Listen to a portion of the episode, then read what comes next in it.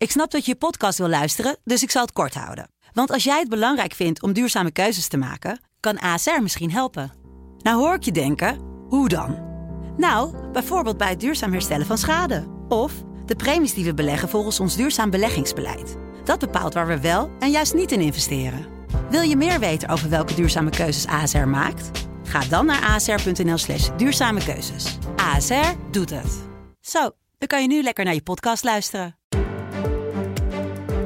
Dit is de politieke podcast van de Telegraaf. Nee, oh, jij werd me ook niet voorbereid als jij dit ging Ik voorlezen. wilde het verrassingseffect eh, worden. Jezus. En ik dacht, nou, nou, dat is de minister-president voor jou. We gaan terug naar het jaar. Sterk en sociaal het zijn natuurlijk daar je kletsende slogans. Afhameren met Wouter de Winter en Pim CD. Politiek commentator eh, Wouter de Winter. Fijn dat je er natuurlijk weer bent bij deze, deze podcast. Nou, Ja, graag gedaan. nou inderdaad. Nou ja, dat is, eh, het is natuurlijk een hele rare week. Hè? Dat, dat, dat kunnen Ja. we gewoon wel benoemen. En daarom kom ik misschien ook met deze ongebruikelijke Oh. inleiding. Ja, Maar ehm, ja, jij zat eh, donderdagavond natuurlijk bij, eh, bij Bo. ja. Ehm, en toen kwam ook het, het, het bericht binnen dat, dat onze collega Mick van Wely tijdelijk op non-actief is, is gezet hier bij de Telegraaf. En dat juist ook in een week dat wij natuurlijk dinsdag samen in Den Haag waren. waar Gijs van Dijk zijn kamerzetel ter beschikking stelde. Ja. Eh, daar gaan we het natuurlijk uitgebreid over Ja. hebben. Eh, maar we kunnen er ook niet helemaal omheen dat we nu zelf als Telegraaf ook eh, ja, getroffen zijn door, door, door zo'n ja, situatie. Ja, ik snap best dat, dat mensen dan nieuwsgierig zijn naar, naar meer informatie. Ik heb die alleen niet. Dat was gisteren donderdagavond ook bij Bo het geval. Ik heb ook die verklaring eh, gezien en ik kreeg gistermiddag eh, van een journalist van een ander medium een vraag hoe het, eh, of het allemaal wel goed ging met Mick. Waar ik niet echt acht op sloeg op dat moment, omdat zoals je weet Mick ernstig wordt bedreigd vanwege zijn eh, belangrijke werk in de, in de misdaadverslaggeving. En ehm, dat weten mensen bij de Telegraaf hoe heftig dat is. Die bedreigingen en dat hele eh, leven wat je dan vervolgens moet gaan leiden. Eh, dus dat is hier intern natuurlijk wel bekend. Maar als dan iemand van de buitenwacht vraagt, gaat alles wel goed? Dan denk ik, dat zal appelleren of refereren aan zijn lastige Mhm. situatie.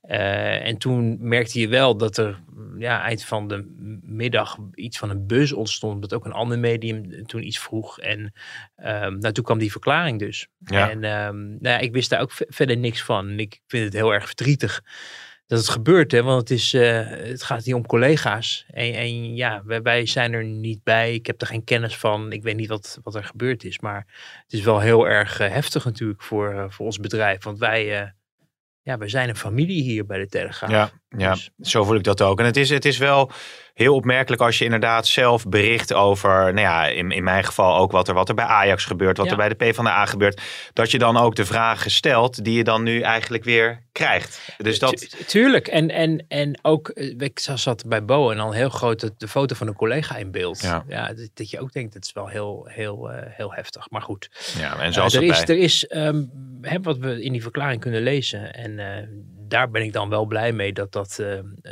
volgens mij kordaat is opgepakt. Ja, en, en dat er snel actie is ondernomen en, eh, en ook maatregelen getroffen zijn. En dat is ook eigenlijk zoals het, zo, zoals het moet als er dingen gebeuren die ja, niet moeten plaatsvinden. ja, zoals hier inderdaad bij het Mediahuis en de Telegraaf is nu natuurlijk vol aandacht voor, voor deze zaak om in ieder geval in de toekomst een, een veilig klimaat wat dat betreft te behouden. Ja. En dat is automatisch dan ook een eh, logische brug eh, naar de P van de A, waar Gijs van Dijk dus dinsdag zijn eh, kamerzetel ter beschikking stelde. Wij stonden toen boven hè, bij de P van de A om daar te kijken of Lilianne Ploemen er was. Zij was er toen nog niet. Zij was zich eigenlijk aan het voorbereiden, bleek later op een verklaring, een, een gesprek met de pers dat zo'n vijf uur bij de patatbalie gaf. En daarin zei ze dit. Ik vind het verschrikkelijk. Wat zij mij vertelde was voor mij ernstig genoeg om daar onderzoek naar eh, te willen eh, uitvoeren. Eh, het betreft geen medewerkers van onze fractie of collega's. Het zijn mensen die hij in de privésfeer kent, maar in ieder geval één van hen is. Eh, zeker lid van onze partij. En nou ja, je kunt je voorstellen dat ik me ook voor hun veiligheid verantwoordelijk voel. Ja, Wout, ik ben heel benieuwd hoe jij dit, uh, dit duidt. Ja, het is, het is best ingewikkeld. Uh, zoals het hele onderwerp natuurlijk, zeker in deze week uh, ook voor ons. En we hebben natuurlijk ook gedacht van moeten we, moeten we het dan helemaal niet gaan bespreken. Maar ja, we bespreken hier elke week de, de, de politieke actualiteit. En dit was toch een belangrijk verhaal. Dus daarom doen we dat gewoon wel op de manier zoals we dat altijd zouden hebben gedaan. Um, en ja, dan, dan word je verrast ook weer door uh, een, een, het vertrek van een Kamerlid. En dan proberen we achter te komen. Want dat, dat was voor ons nog wel even een, een, een, afweging.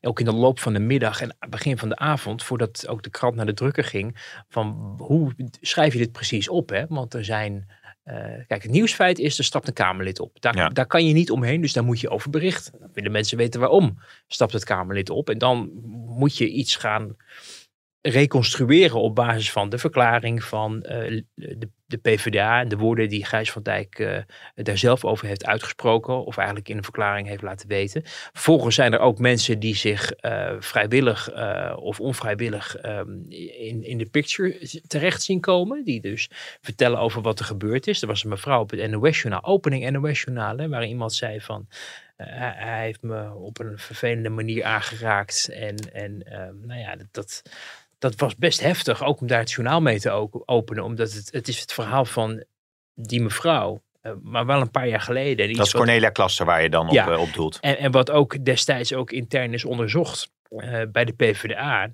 Uh, het, het, bijzondere is wel dat wij mensen hebben gesproken die ook bij dat onderzoek aanwezig zijn uh, geweest of betrokken zijn geweest. En wel ook echt met ja, uit volle overtuiging vinden dat ze de juiste conclusie hebben getrokken om daar destijds die, die klacht ongegrond te verklaren. En dat houden ze tot op de dag van vandaag vol. Dus Mhm. dat is wel een, een, een ja, bijzonder gegeven.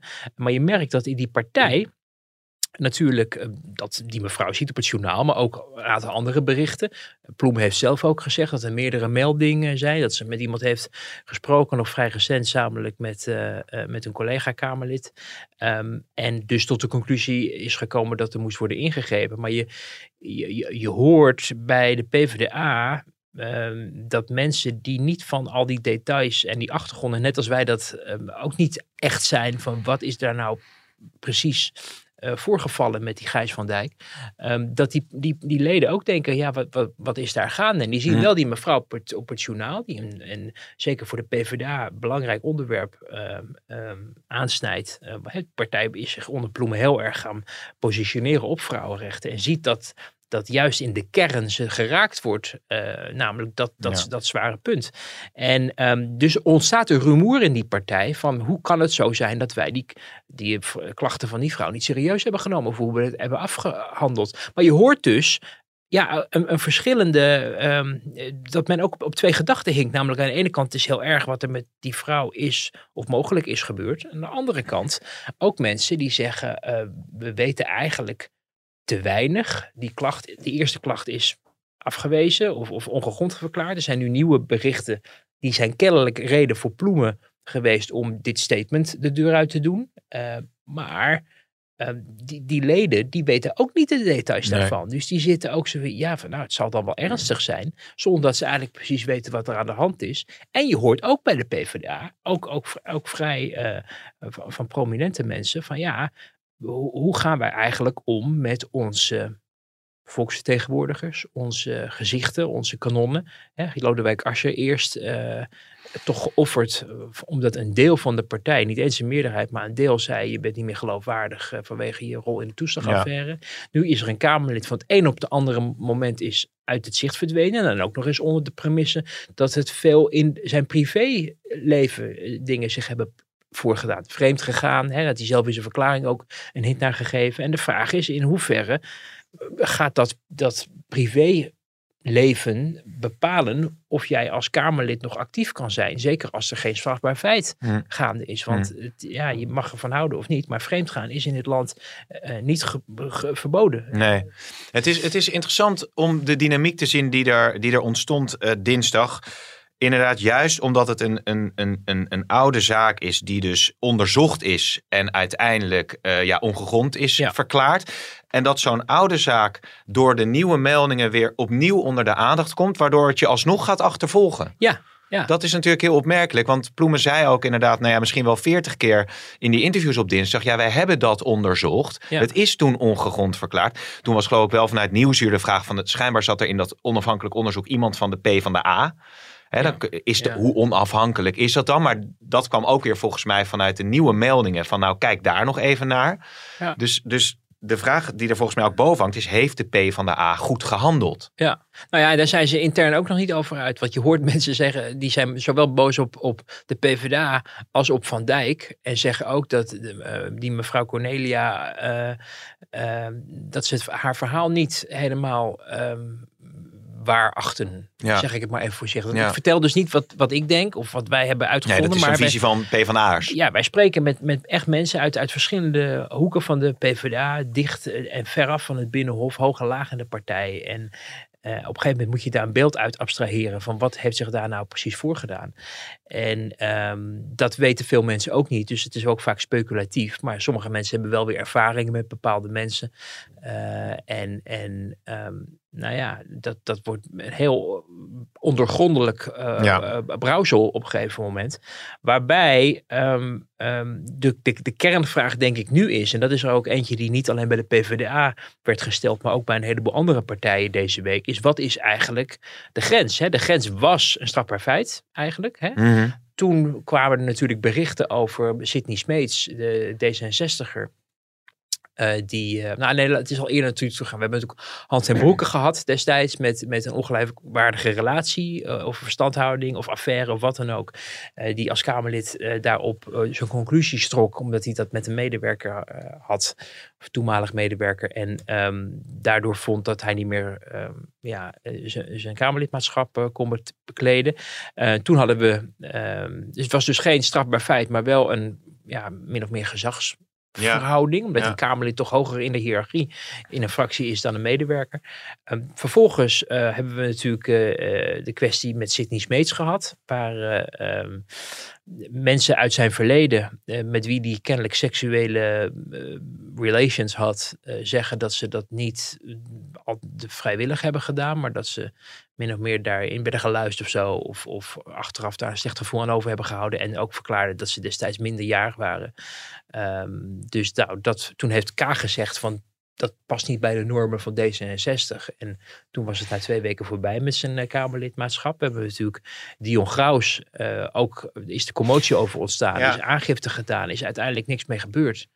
Uh, waardoor de conclusie bij de PVV was van nou, dan kan hij gewoon door. Ja. En, en, uh, maar goed, dat gebeurde intern daar met zijn uh, toenmalige vrouw ja. ook. Dat bedoel, ook privé dus eigenlijk. Nou, maar die mevrouw werkte ook weer bij die fractie. Ja, dus, ja. Dat is interessant dat je dat, dat, je dat aanhaalt. Want uh, ik, ik, stond ook dinsdag, was ik ook bij veel journalisten de vraag aan fractievoorzitters van, nou ja, hoe kijkt u hier naar vanuit uw eigen partij? En toen stond Jair inderdaad tegenover Geert Wilders. Mm -hmm. En toen, toen zei, het gaat mij niet om Jair, maar het thema vond ik interessant. Want die zei tegen uh, Geert Wilders, ja, u weet wel... Uh, ja. hoe dit is. Want u heeft dat binnen uw eigen partij. En toen zei Geert Wilders, ja, wat bedoelt u? Ja. Nou, met, uh, met Dion Gauws zei Wilders, er is helemaal niks aan de hand. Ja, ja en dus dat, daar ontstond een heel ongemakkelijk surrealistisch, gesprek, waarbij Wilders echt heel stevig voet bij stuk houdt. Heeft natuurlijk eerder ook al gedaan. Ja, die zaak is uiteindelijk gewoon uh, niet, niet doorgegaan. Ik geloof mm -hmm. niet eens dat hij geseponeerd is, maar dat hij is ingetrokken hè, uiteindelijk rondom, uh, rondom Dion Gauws. Dus ja, voor hem is er geen, is er geen verhaal. Terwijl natuurlijk wel een NRC, et cetera, allemaal heeft, uh, heeft gestaan.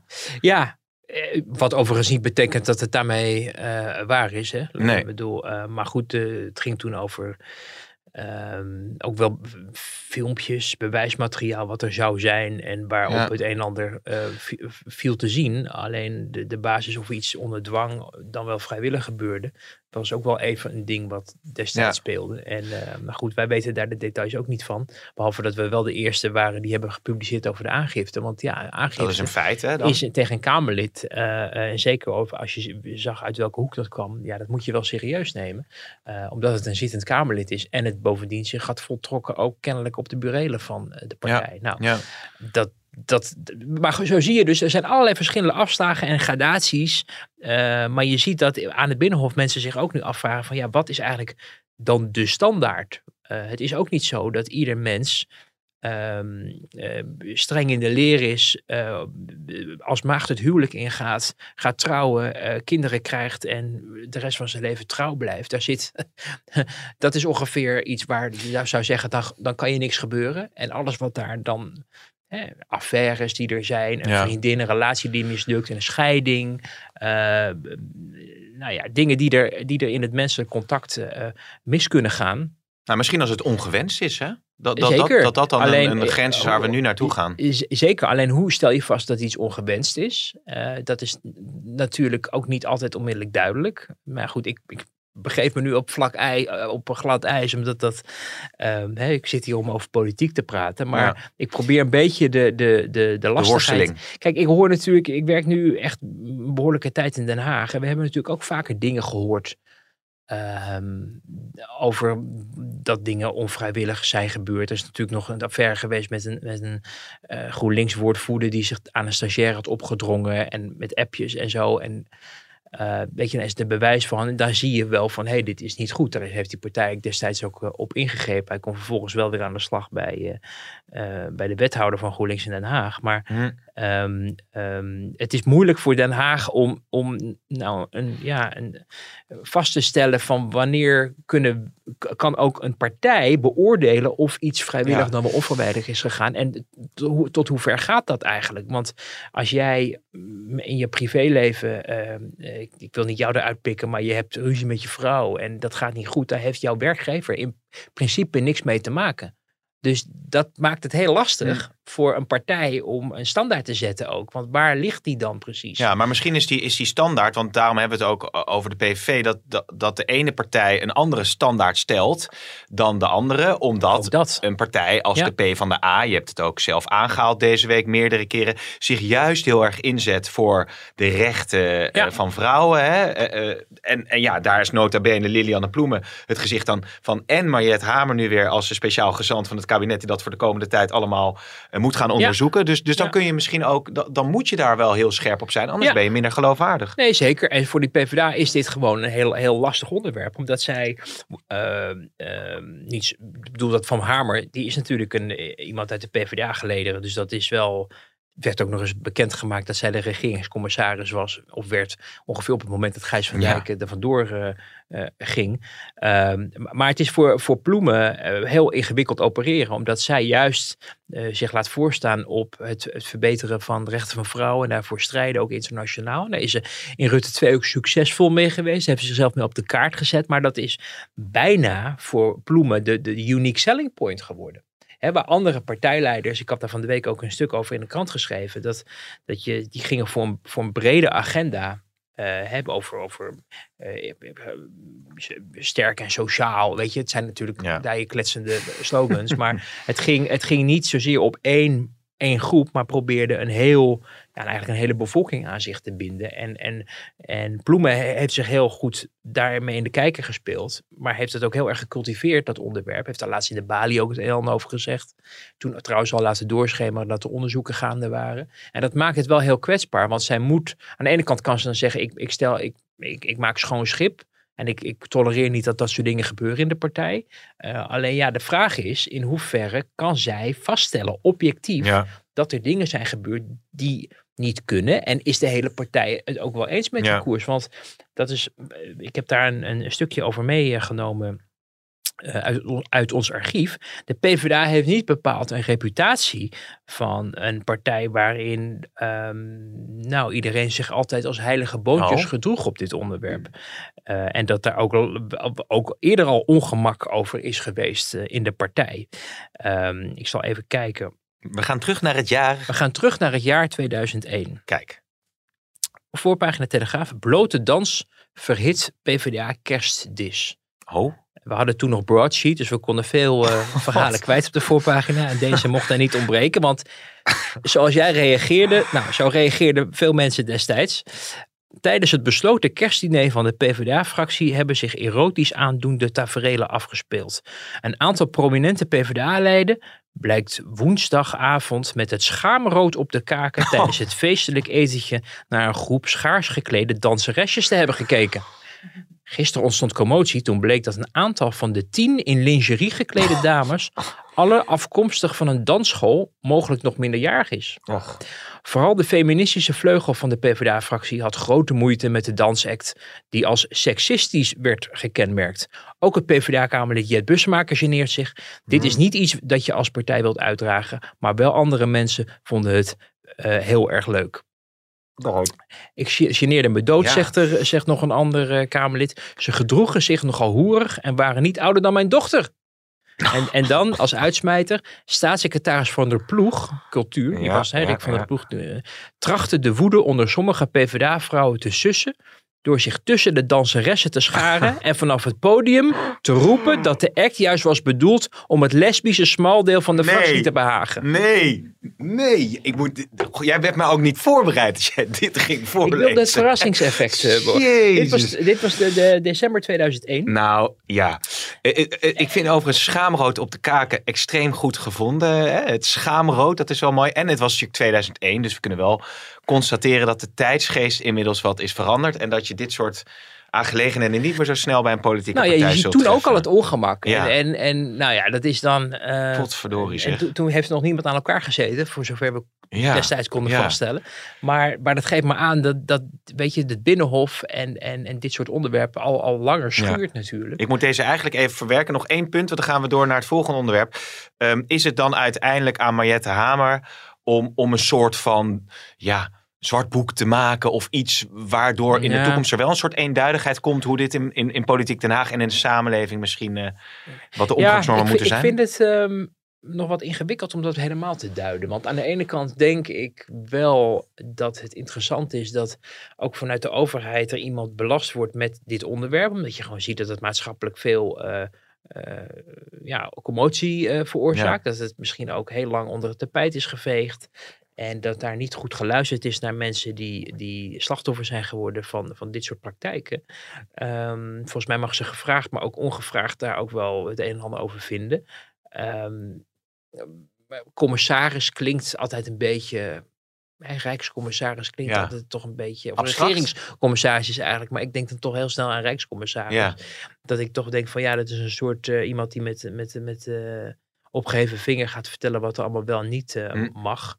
Ehm, ja, dat is ook vanuit overheidswegen op dit vlak. eh, het, is, het, is, het hoeft niet helemaal onomstreden te zijn. Ik snap heel goed dat daar een, eh, eh, meer aandacht voor moet zijn. Dat ook de overheid daar probeert te zoeken naar een vehikel wat werkt. Maar ik hoorde de minister van Sociale Zaken, Karin van Gennep bij Bo, daar het een en ander over vertellen. Onder andere dat in de werksfeer maar moest worden vastgesteld welke grap wel en niet kan. Ja, ja. En ja, dan denk ik wel van eh, hoe gaan we dat precies regelen? Ja. En is dat wenselijk? Grappenpolitie. En, ja, Nou dan, ja dan, eh, nou. en gaat Mariette dat, ja, dus dat je denkt, nou, laten we Nou eens ja, kijken we gaan hoe eens kijken hoe dat. Ja. eh, loopt. Ehm, dan, eh, jij, jij zat dus inderdaad donderdagavond eh, bij Bo. Daar moest je inderdaad in het begin even reageren op de situatie bij ons. Maar er zat ook Ernst Kuipers, ging het weer over de politieke inhoud. En toen ontstond er even het volgende gesprek over hoe lang je nou in quarantaine of in isolatie moet als je corona hebt. Als je dan zegt, ja, maar dan hoef je bij positief, als je positief bent, ook niet meer in isolatie. Maar die isolatie is nu Dan- zeven dagen? Eh, dat de exacte Om en stand. nabij. om en Om en. Nou, En als je dat bijvoorbeeld naar vijf terugbrengt. Volgens mij is het in de Verenigde Staten vijf bijvoorbeeld. Maar, dat, maar dan is dus de vraag, hè, dus even niet aan mij, sorry dat ik het niet exact eh, denk, maar dan is gewoon even de vraag, hoe veilig kan dat? Zei Bo nou om de nabij Ja, om, ja, om, hem een beetje te helpen? Ja, Bo, Bo is Ja, dus- natuurlijk in Lievert, want die waren nog aan het zwemmen in, La, in Lago di Bo eh, natuurlijk. Nou, Eh, inderdaad, ja. Dat klopt. Ja. Maar dit was natuurlijk een wat, wat ongemakkelijk onderwerp. Waar, waar ik overigens niet had verwacht dat het zo uit zou pakken. Want, eh, en ik vind niet dat ik daar heel rare vragen stel. Maar je mag wel verwachten dat de coronaminister weet wat de corona Nou, het is natuurlijk nogal relevant, omdat je juist die, die, Eh, dat zeker. mensen allemaal niet naar hun werk kunnen of niet naar school kunnen of wat dan ook. Daar moet je wat aan doen. Ja, maar dat is, dit is wel ongeveer de, de basiskennis 101. Ik bedoel, Ja. het spijt me wel. Maar Ja. een minister, de coronaminister moet wel weten uit, helaas voor hem, maar wel uit zijn hoofd weten wat de coronaregels zijn. Eh, dat wist hij niet. Eh, de man was moe. Hij was die ochtend naar Grenoble vertrokken, de mooie plaats eh, bij de, richting de Franse Alpen. Als je in Frankrijk gaat skiën, Nee, kom je- prachtig. Ja, kom ik je ken langs het. Grenoble Ja, en dan zie je, schitterend. staat ook de, meer. Ja, en dan zie je de, de, de Poma-fabrieken waar de, de, de, de stoeltjesliften en zo worden gemaakt, rijden daar langs. Dus Ja. zit je helemaal in wintersportsferen. En hij was daar om met zijn Europese collega's eh, van gedachten te wisselen over corona. Eh, en wat doen jullie en wat doen wij? En hij vloog vervolgens terug en zat s'avonds bij Boom. Maar je kan Ja. je voorstellen dat dat een, een lange dag is geweest voor de minister. Eh, dat hij het ook niet meer precies weet dan. Hoewel ik me afvraag. Weet je, als Hugo de Jonge er had gezeten, die had dat wel opgelepeld. Nu, Hugo die was natuurlijk in zijn ehm uitingen ook wel wat langdradig af en toe. En, en eh, er is ook het een en ander en behoorlijk wat te zeggen over de manier waarop hij het ministerschap eh, invulde. Maar over dit, dit was hem niet snel overkomen, denk ik. Ehm, je ziet dat, dat Kuipers eh, natuurlijk ook al twee weken geleden uit is gegleden toen hij het had over de effectiviteit van het CTB in, in verhouding met 2G. En welke effectiviteit dat zou Met het opleveren. percentage tot 15 procent inderdaad. Tot 15 procent. Maar Ja. de indruk was wel dat hij min of meer zei. Dat is overigens ook iets wat Jaap van Dissel heeft geroepen hoor. In een, in een briefing. Van dat het toch wel heel erg effectief was. Want die 15 procent haal je dan of zo. Nou ja. Ehm, onhandig. En dat is dus nu in een korte tijd wel dat ik wel denk van oh, die, die, die basis moet wel even hersteld worden. Het is voor Kuipers natuurlijk wel eh, een rollercoaster. Dat geeft hij zelf ook aan. We hebben gisteren natuurlijk nog even gesproken ook voor de uitzending. En dan, ja, die man die krijgt het ineens ook allemaal op zijn bord. Ja. Laten we niet vergeten, hij heeft wel de wind mee. Want het gaat natuurlijk nu veel beter met, het corona, eh, met de coronacijfers, vooral de ziekenhuiscijfers, vergeleken met het moment dat zijn voorganger aan het afzwaaien was. Dus hij, en nu wordt gezegd van, god, wat doet Kuipers het allemaal goed, maar ehm, en misschien dat hij ook zelf zijn accenten ook heel duidelijk kan aanbrengen op het feit dat er nu ruim versoepeld wordt. Uh, maar hij, hij kwam wel echt vanaf het absolute vriespunt. En daarna Ja. kon het alleen nog maar warmer Ja, worden, zullen ja, we maar zeggen. Dus dat, dat heeft hij dan in zijn voordeel uh, mee. Uh, ik heb wel een beetje de indruk, ook als ik hem gisteren dan tegenover hem zat in de, in de uitzending, dat uh, de, de, vrij, de, vrij, de vrijheid waarmee hij zich uitte, en waar we ook hem van kennen, waar hij ook bekend van werd, dat hij de, helder en duidelijk en met gezag kon spreken over uh, datgene waar hij verstand van had, namelijk de, de ziekenhuisbezetting. Uh, en zijn achtergrond als arts natuurlijk, dat hij wel een beetje ingekapseld raakt al door het kabinet. Ja. Dat je merkt dat hij zijn woorden zorgvuldig weegt. Dat hij denkt, ik kan nu wel van alles zeggen, maar ik moet morgen nog naar de ministerraad. En misschien vinden mijn collega's wel wat anders. En uiteindelijk moet ik wel hetzelfde verhaal uitdragen. Uh, we hebben natuurlijk vorige week al besproken dat uh, mevrouw Oesloef, de staatssecretaris voor cultuur, toch even een, een, een, een tikje op de vingers kreeg in de ministerraad toen ze al voor um, de ministerraad zei dat de week daarna de cultuursector echt open moest. Want dat kon allemaal niet anders. Dat is natuurlijk niet goed als je daar Ja. nog over moet spreken met je collega's in het kabinet. En je merkte gisteren dat Kuipers ook dacht van nou, ik heb daar wel ideeën over, maar ik wil het eigenlijk zo min mogelijk over kwijt. Ja, En ja, dat, ja. ja, dat is het risico wat je loopt als je al voor de daadwerkelijke besluitvorming van het kabinet, want die vindt vandaag plaats en ook nog volgende week, naar aanleiding van het OMT-advies ook, al bepaalde bouwde uitspraken gaat doen, bijvoorbeeld over een Ja, quarantainemaatregel. ja. Overigens zei ik eh, meer, maar het is meer van Genève, hè? Grenoble, ik weet niet of Grenoble meer heeft. Heeft Grenoble meer? maar dat geheel terzijde. Ik was even Je in de denkt war. dus met- je ik zag dus mezelf... G, dat is altijd goed. Ik zag mezelf, ja, Montreux ligt volgens mij aan het meer van Genève, waar Freddie Mercury met Queen eh, nog eh, zijn laatste dagen heeft gesleten. Maar goed, daar moet ik in één keer aan denken. Hetzelfde pittoreske wintersportbeeld wat ik, eh, wat ik in elk geval voor me je had. gaat op wintersport, hè? Ik ga op wintersport, ja. Ja. ja. dus vandaar eh, Dat is het. ging mijn fantasie Daar je even mee aan de haal. Nou, inderdaad, ja. Maar, maar legt hij wel al, zie jij specifiek andere accenten. Hè? Je hebt nu in de volgorde van, van het OMT-advies er met de Kamer over praten, de definitieve besluitvorming, et cetera. Heeft hij wel gekeken naar Hugo de Jonge en geconstateerd, ik moet bepaalde dingen toch echt anders gaan aanpakken. Herken jij dat? Um, nou, een van zijn communicatie is, is uh, uh, denk ik overtuigender, krachtiger, alleen, uh, korter en bondiger, zullen we maar Hmm. zeggen. Um, wat Hugo de Jonge had, is dat hij eh, ja, aan hem toch een beetje kleefde over promise, under deliver. Dat het zijn uh, politieke stijl was om grootse verwachtingen te wekken. Ja. En dan hopen dat het land of het kabinet of wie de Tweede Kamer zich daarnaar zou voegen. Het kan echt niet anders dan dat we dit doen. En dan Ja. blijkt het eigenlijk toch anders te kunnen. Maar hij hoopt dat, dat, dat hij dan misschien in het midden uit zou komen of, of dat hij zijn zin zou krijgen. Uh, daar is Kuipers, denk ik, ja, die, die zit anders in elkaar. We moeten niet vergeten dat de adviezen die uh, hij krijgt, de omgeving, de ambtelijke omgeving van Kuipers is dezelfde als die van de jongen. Dus ja, dat, daar, is niet zoveel in veranderd. Wat je wel ziet is nu um, eigenlijk, de, de, de, eigenlijk twee dingen die echt veranderen. Namelijk dat uh, aan het OMT minder waarde wordt gehecht.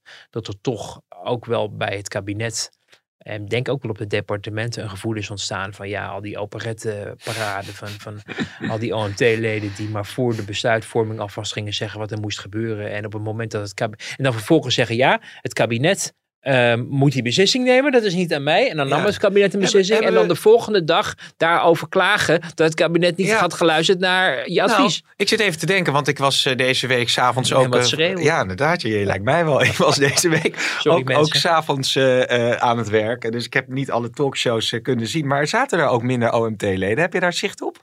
Volgens mij zat Gommers op één. Oh, Gommers, Gommers zat er al om onze boek te promoten. Die is met zijn, met zijn eeuwigdurende afscheidstournee bezig. Want hij mocht, geloof ik, maar ik heb het niet gezien. Uh, want ik zat dus bij de, op, op, kanaal 4. Maar op kanaal 1 was, uh, was Gommers met, begreep ik, met zijn opvolger. Die ook oh. weer niet hem opvolgt, omdat Gommers weer is gevraagd om toch lid van het OMT ja, te blijven. Ja, of misschien ja. gaan ze alle twee wel inzitten. Oh nee, nee. Ja, dus, nou, ik dacht misschien is die operette iets minder, of zoals jij dinsdag in je column uh, omschreef, het sterrenstof waarmee ze dan uh, besprenkeld worden. Daar, dat vinden ze toch blijkbaar maar dat, dat, dat, is dus één ding, dat, oh, die rol van het OMT, waarvan je eigenlijk, daar hadden we het gisteren met Kuipers ook nog wel even over, van ja, als jij nu dit allemaal op tafel legt en het OMT zegt, nou, ik vind het toch geen goed idee nou, ik denk niet dat de bevolking dat accepteert. Dus... Nee, maar hij zat er zelf natuurlijk, oh nou niet vanuit het OMT. Het dat klopt, hij zat er niet nee, vanuit het OMT. Maar hij gaf wel heel vrij, vrij uit zijn uh, mening, maar dat mocht hij ook natuurlijk. Ja, uh. dus, dus, dus ja, dat is één ding. En het andere ding is natuurlijk aanstaande dinsdag de persconferentie zonder Mark Rutte. Ja, en daar uh, wilde ik even het volgende over laten horen. Want ik overviel daar dinsdag uh, de nodige politici mee. Is hij er niet? Nee, hij is er niet oh, bij. Dat heb ik nog helemaal niet meegekregen. oh, uh, hij is niet bij de persco? Nee. Oké. Okay. U zult daar alleen uh, Ernst zien. Ernst Kuipers en ik staan dan in de Eerste Kamer. En dat komt eigenlijk al goed uit, want ik wil daar ook een beetje uh, van weg. Hè? Uh, iets meer ook daar normaliseren dat de minister van VWS kont doet aan de natie van wat er moet gebeuren. Nou, dat, ik, ik dat is geweldig goed nieuws. Ja, dat is geweldig goed nieuws. Ik wist het nog niet, nee. nee. Dus hopelijk dat hij dat ook op vrijdag uh, dan uh, niet meer doet. Uh, bij, na die ministerraad. De volgende stap is dat hij de ministerraad niet meer voorzit. Dus ja, ik vind het als eerste stap vind ik het een geweldig nieuws. En ik zou hem daar echt mee willen complimenteren. Wilders is dan altijd wel, wel heerlijk, hè, vind ik. Die is zo in staat om... Dan... Jij vindt het heerlijk, want je hebt een leuke quote. Ja, nee, maar... Zo zijn die televisieverslaggevers. Ja, maar dus Wilders... Klinkt, Wilders, nou, ik, vooruit. Die krijg je van me. Want Paternotte reageert eigenlijk ook altijd wel. Die heeft altijd ook wel zijn eigen creatieve antwoord. En Wilders is natuurlijk ook iemand die toch altijd wel heel gevat weet te, te reageren. Ja, nou ja, het, ja, en dat is ook, een, dat is ook zijn kwaliteit, denk ik. Uh, doet hij ook in debatten natuurlijk. Spitsvondigheid die je andere mensen ook zou toewensen. Ja. Dan, dan hoeft jij misschien ook wat minder de microfoon bij Wilders te houden. omdat andere mensen ook zo leuk uit de hoek kunnen komen. Maar, maar, maar goed, het is inderdaad zo. Um, eh, nu vanwege een agenda technisch uh, ding. Ja. Uh, maar wat ik ook wel begrijp is, uh, en dat, dat hoor je al langer, normalisatie, dat zei Rutte volgens mij zelf ook, de normalisatie van de crisis. Niet het hele jarenlang iedereen angst aanjagen door elke drie weken de minister-president het volk te laten toespreken. Want dat is het in feite met die persconferentie. Ja. Hè? Hij zit niet meer in het torentje, maar hij staat achter dat katheder. Maar het, en het is zogenaamd een persconferentie, maar het is vooral bedoeld als een toespraak. Rijksvoorlichtingsdienst verspreidt ook zelf het, altijd het inleidende statement. Want hm. daar gaat het hen uiteindelijk om. En dat de, de vervelende, nare vragen van journalisten. Die mogen de mensen zelf ergens op gaan zoeken. Ja, ja. Dus je ziet wel waar het voor bedoeld is. En wat je merkt is uh, rond, het, rond het torentje, dus de mensen die voor Mark Rutte ook werken, de minister-president, dat ze hem ook weer dat statuur weer terug willen geven. Rutte is natuurlijk een beetje verworden tot de hoofdverantwoordelijke voor alle ellende uh, kop van Jut, ook politiek voor een heleboel partijen. En het, het, ja, het ambt van het, van het premierschap, het, minister-presidentschap, is uh, nou ja, behoorlijk aan inflatie onderhevig. Ja. Niet, niet zonder reden, want Rutte heeft, is natuurlijk ook een aantal cruciale momenten afgelopen jaar in het nieuws geweest met dingen die. Uh, eh, ja, eh, niet zo goed zijn gegaan. Om het maar even voorzichtig uit te drukken. Eh, maar hij zit er wel weer. Hij heeft de verkiezingen gewonnen. Hij is minister-president. En dus beg- begint ook die machinerie rond eh, het torentje weer zo te werken. Van Ja. oké, de hele partijpolitieke dingen waar ze zich niet mee bezig eh, mochten houden, die is nu geparkeerd. En nu gaat het weer om het, ook de, ja, de uitstraling ook van het ambt. En daar, daar past het niet bij dat de minister-president ehm, ja, als een soort hulpje van de minister van Volksgezondheid, die eh, zeer populair is en veel gezag ontleent momenteel en ook deskundig is, daar maar bij gaat staan. En wat mij opviel tijdens die persconferentie die ze nog samen deden. Ik hoorde dat ik niet de enige was. Want ik hoorde de volgende dag Pieter Klok, de hoofdredacteur van de Volkskrant, hetzelfde zeggen. En dat gebeurt natuurlijk Nou, niet vaak, laten ja. we wel wezen. waren het eens. Ja, dat is. Maar dat hij zei, ja, eh, die Ernst Kuipers, die minister van Volksgezondheid, die zei, ja, daar gaat zo Mark Rutte wat over vertellen. Ja. En ik dacht, nou, nou, dat is de minister-president voor jou, eh, Ernst. Ja, Of ja, zo. Het is toch de minister-president, wie, er ook, eh, wie er ook staat of zit. En ehm, dat viel mij wel op, dat je Ah. merkt dat men elkaar dan meer als gezellige collega ziet. Maar ja, aan de natie mag het ambt ook wel wat meer ehm, Ja. uitstralen. Dus ehm, daar willen ze ook vanaf bij, bij de RVD. En ehm, eh, ik denk eh, ja, dat we Rutte alleen nog maar gaan zien als echt weer grote ongelukken gaan gebeuren Ja, in de coronacrisis. Ja, ik vind dat toch wel fascinerend als je nu inderdaad eh, kijkt naar die hele crisis die we hebben gehad eh, in de aanloop naar dat nieuwe kabinet, waarbij Rutte natuurlijk zwaar beschadigd ook is geraakt. Ja. Denk je, of misschien is het antwoord, heb je dat al zojuist gegeven, maar dat hij inderdaad weer na al die moeilijke maanden de oude Rutte is met hetzelfde gezag binnen het kabinet, Nou. maar misschien ook daarbuiten? Of is er toch iets definitief veranderd? Ja, er is, wel, er is wel wat veranderd. Kijk, wat natuurlijk ook helpt als je die persconferenties niet doet en die brieven eh, echt allemaal aan Kuipers slaat, die sowieso de brief eh, schreef en daarvoor Hugo de Jonge, dat hij ook niet die ellenlange debatten hoeft te doen. Nee. Hè, dat, dat kost ook weer een hele dag in de agenda. Eh, Rutte moet natuurlijk de hele wereld eigenlijk weer in feite rond. Nederland heeft anderhalf jaar, misschien twee jaar ook vanwege de coronacrisis, eigenlijk internationaal ook niet zo echt heel erg zijn gezicht kunnen laten Nee. zien. Dus zowel Hoekstra als Rutte, die zijn nu voortdurend in overleg en het bellen. Ik krijg elke dag alweer een bericht van, ik heb vandaag weer met de Viet- Vietnamese premier gebeld en ik heb nu weer met die en ik Ja, heb dan weer met dat. ja. En, en dat hele spel gaat ook weer op de wagen, dus dat scheelt. Zien we een andere Rutte de komende jaren? Ehm, ja, dat, dat, dat, ik, ik, denk, ik denk wel echt wel dat hij een kras heeft opgelopen. Nu heeft hij veel krassen opgelopen, maar wat er allemaal gebeurd is, dat ja, kleeft toch wel aan hem. Ik ben vooral benieuwd wat er bij die VVD gaat gebeuren. Ja. Dat, dat, daar gaan dingen gewoon niet goed. Eh, het verhaal wordt eigenlijk niet goed en duidelijk over het voetlicht gebracht. Ze zitten weer, in, weer eens in de hoek eh, waar de klappen vallen met die vermogens. eh, belasting waar ze mee door de pomp zullen gaan, denk ik. En dat wordt pijnlijk.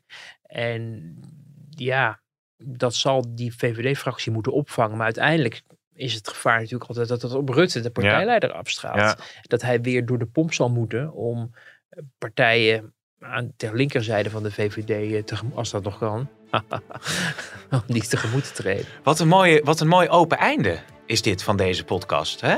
Want we gaan kijken hoe dat verder gaat. En dan komen ook de gemeenteraadsverkiezingen er nog aan. Dus het wordt ongemeen spannend allemaal. Ja. En Wouter, ik zie jou volgende week weer. Ja. Dank.